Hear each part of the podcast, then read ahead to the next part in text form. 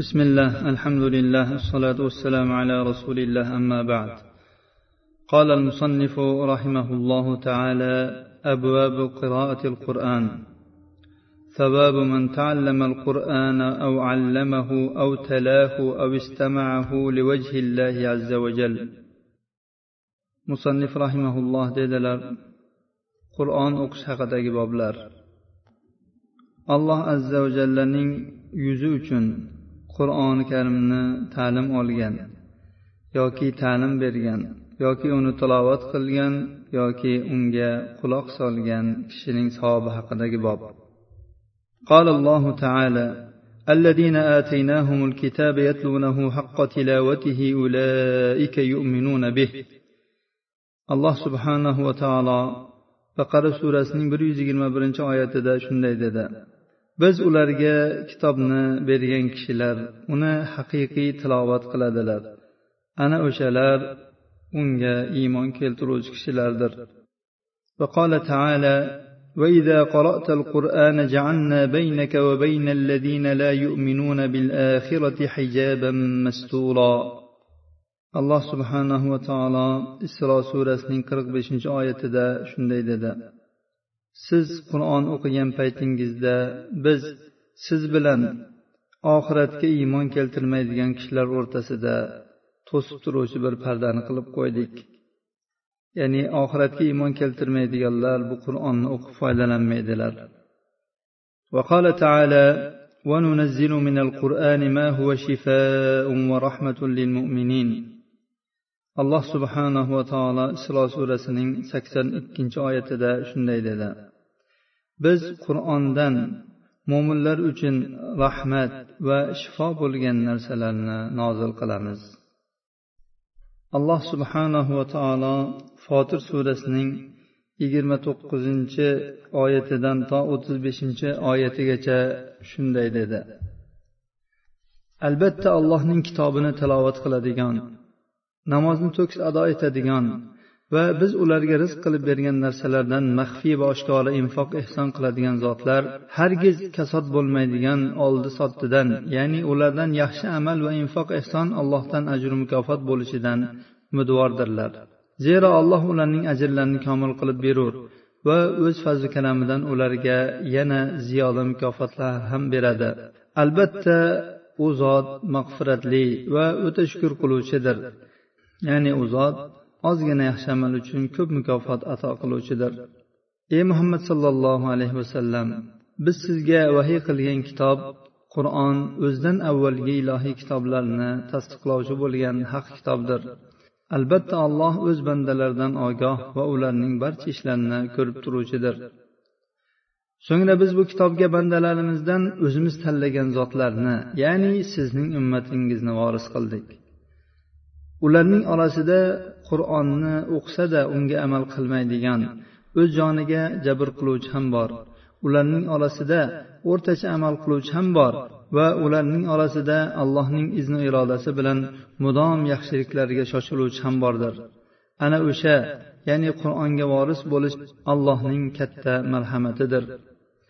Ular oltindan bo'lgan bilaguzuklar va marvarid marjonlar bilan bezangan hollarida mangu turadigan jannatlarga kiradilar. U joyda ularning liboslari harir ipak bo'lib va ular jannatga kirgan chog'larida deydilar. Bizlardan g'am qayg'uni ketkazgan zot allohga hamdu sano bo'lsin. Haqiqatda parvardigonimiz mag'firatli va o'ta shukur qiluvchi zotdir.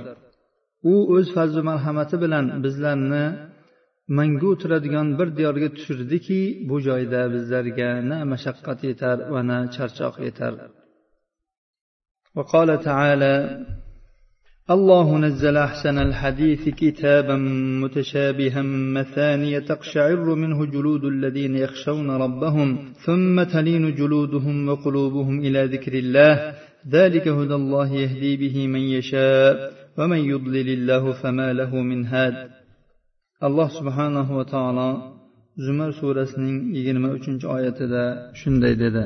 Alloh subhanahu va taolo go'zal so'zni ya'ni ushbu qur'onni balog'at va fasohatda va hukmlarida bir biriga o'xshaydigan uning ichidagi ahkomlar va yaxshilik jannat bilan bo'lgan bashoratlar va'dalar va vaidlar ya'ni do'zax bilan jahannam olovlari bilan ogohlantirish takror takror keladigan kitob shaklida nozil qildi. Robbilaridan qo'rqadigan kishilar vaid oyatlarini eshitgan paytlarida ularning terilari titrab ketadi va ular jannatlar va'da qilingan oyatlarni eshitgan paytda ularning qalblari ham terlari ham alloh taoloning zikriga yumshaydi. Mana shu alloh taoloning hidoyatidir.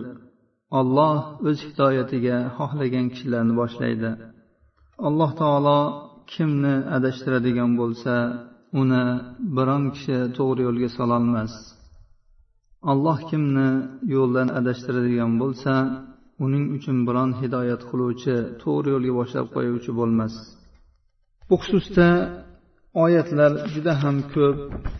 Mana shu miqdor bilan cheklanamiz endi ushbu ma'nolardagi hadislarni o'qishni boshlaymiz وعن ابي امامه رضي الله عنه قال سمعت رسول الله صلى الله عليه وسلم يقول اقرأوا القرآن فإنه يأتي يوم القيامة شفيعا لأصحابه بحدثنا إمام مسلم رواية قليلا abu umama roziyallohu anhudan rivoyat qilinadi dedilar men rasululloh sollallohu alayhi vasallamdan eshitdim u zot dedilar qur'onni o'qinglar u qiyomat kunida o'z egalari uchun shafoatchi bo'lib keladi qur'onni o'qigan kishilarni qur'on qiyomatda shafoat qiladi وعن عبد الله بن عمرو رضي الله عنهما أن رسول الله صلى الله عليه وسلم قال الصيام والقرآن يشفعان للعبد. يقول الصيام ربي إني منعته الطعام والشراب بالنهار فشفعني فيه. ويقول القرآن ربي إني منعته النوم بالليل فشفعني فيه فيشفعان. رواه أحمد والطبراني والحاكم وقال صحيح على شرط مسلم. Abdulloh ibn amr roziyallohu anhudan rivoyat qilinadi. Rasululloh sollallohu alayhi vasallam dedilar ro'za va qur'on bandani shafoat qiladilar. Ro'za aytadiki ey robbim men uni kunduzlarda yemoq ichmoqdan man qildim. Meni uning haqida shafoatgo'y qilgin. Qur'on aytadiki ey robbim men uni tunlarda uxlashdan man qildim meni uning haqida shafoatgo'y qilgin shunda ularga shafoat qilish izni beriladi. Ya'ni bu odam tunlari qur'on o'qib bedor bo'lgan. Odamlar uxlab yotgan paytda bu odam qur'on tilovati bilan mashg'ul bo'lgan qiyomillayilda imom ahmad taboloniy hokimlar rivoyati ushbu hadis sahih targ'ibda bir ming to'rt yuz yigirma to'qqizinchi raqam ostida sahih sanalgan وعن جابر رضي الله عنه عن النبي صلى الله عليه وسلم قال القرآن شافع مشفع وماحل مصدق من جعله أمامه قاده إلى الجنة ومن جعله خلف ظهره ساقه إلى النار رواه ابن حبان ibn hibbon jobir roziyallohu anhudan rivoyat qilgan hadisda nabiy sollallohu alayhi vasallam dedilar qur'on shafoat qiluvchi va shafoat qabul qilingan harakat qiluvchi undovchi va tasdiqlangandir kim uni oldiga qo'yadigan bo'lsa uni jannatga yetaklaydi. Kim uni orqasiga tashlaydigan bo'lsa yoki orqasiga qiladigan bo'lsa uni do'zaxga olib boradi bu hadis ham sahih targ'ibot tarhibda bir ming to'rt yuz yigirma uchinchi raqam ostida sahih sanalgan وعن عثمان بن عفان رضي الله عنه عن النبي صلى الله عليه وسلم قال خيركم من تعلم القرآن وعلمه رواه البخاري ومسلم usmon ibn affon roziyallohu anhudan rivoyat qilinadi nabiy sollallohu alayhi vasallam dedilar sizlarni yaxshirog'ingiz qur'onni ta'lim olgan va boshqalarga ta'lim bergan kishidir. Imom buxoriy va muslim rivoyatlari ya'ni hadis muttafaqun alayh. Eng qisqa hadislardan biri. Roviysi mashhur sahobiy xulafa roshidinlardan uchinchisi usmon ibn affon roziyallohu anhudir. وعن عقبة بن عامر رضي الله عنه قال خرج رسول الله صلى الله عليه وسلم ونحن في الصفة فقال أيكم يحب أن يغدو كل يوم إلى بطحان أو إلى العقيق فيأتي منه بناقتين كوماوين في غير إثم ولا قطع رحم. فقلنا يا رسول الله كلنا يحب ذلك. قال أفلا يغدو أحدكم إلى المسجد فيعلم أو فيقرأ آيتين من كتاب الله عز وجل خير له من ناقتين. وثلاث خير من ثلاث وأربع خير من أربع. ومن أعدادهن من الإبل رواه مسلم. أقبة بن عمر رضي الله عنه در واتقند ددلر bir kuni rasululloh sollallohu alayhi vasallam chiqdilar biz suffada o'tirgandik aytdilarki sizlardan qay biringiz har kuni butxonga yoki aqiqqa borib u yerdan biror bir gunoh qilmasdan qarindosh urug'chilik aloqasini uzmasdan ikkita o'rkashlari katta bo'lgan tuyani olib kelishni yaxshi ko'radi ya'ni xohlaydi. Biz aytdikki ey rasululloh buni hammamiz yaxshi ko'ramiz hammamiz xohlaymiz bu narsani. U zot aytdilarki sizlardan biringiz har kuni ertalab masjidga borib u yerda alloh azza va jallaning kitobidan ikki oyatni ta'lim olishi yoki o'qishi u uchun ikkita tuyadan afzalroqdir. Uchtasi uchta tuyadan afzalroqdir. To'rt oyat to'rtta tuyadan yaxshiroqdir. Va necha oyat bo'lsa ana shu adatdagi tuyalardan ko'ra yaxshiroqdir dedilar imom muslim rivoyatlari. Butxon aqiq bu madinaning tashqarisidagi bir joyning nomi. Demak alloh taoloni uylaridan bir uyga borib masjidga borib bir oyat ta'lim olish yoki o'qish bir tuyadan ko'ra yaxshiroq ekan. Bu yerda rasululloh sollallohu alayhi vasallam dunyoviy bir ma'noga qiyoslab aytdilarki ya'ni odamlar dunyoviy ishlarga hammasi haris.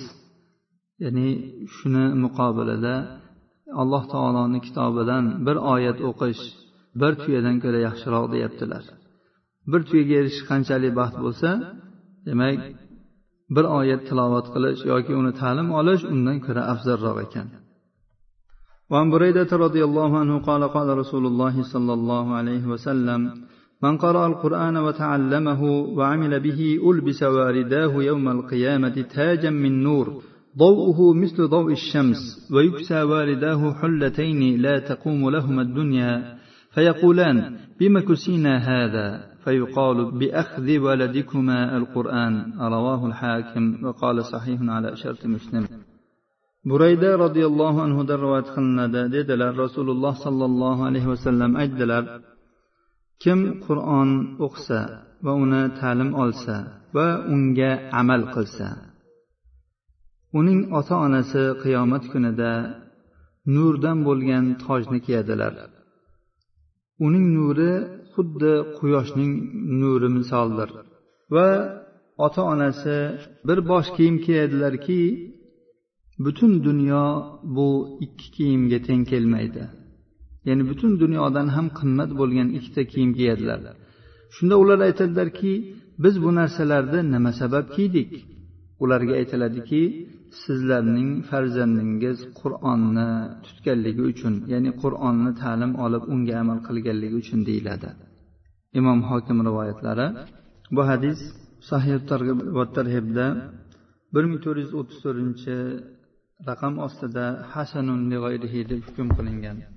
Alloh subhanahu va taolodan o'qib o'tilgan oyatlarga va hadislarga chiroyli amal qilishimizga muvaffaq qilishini so'rab qolamiz.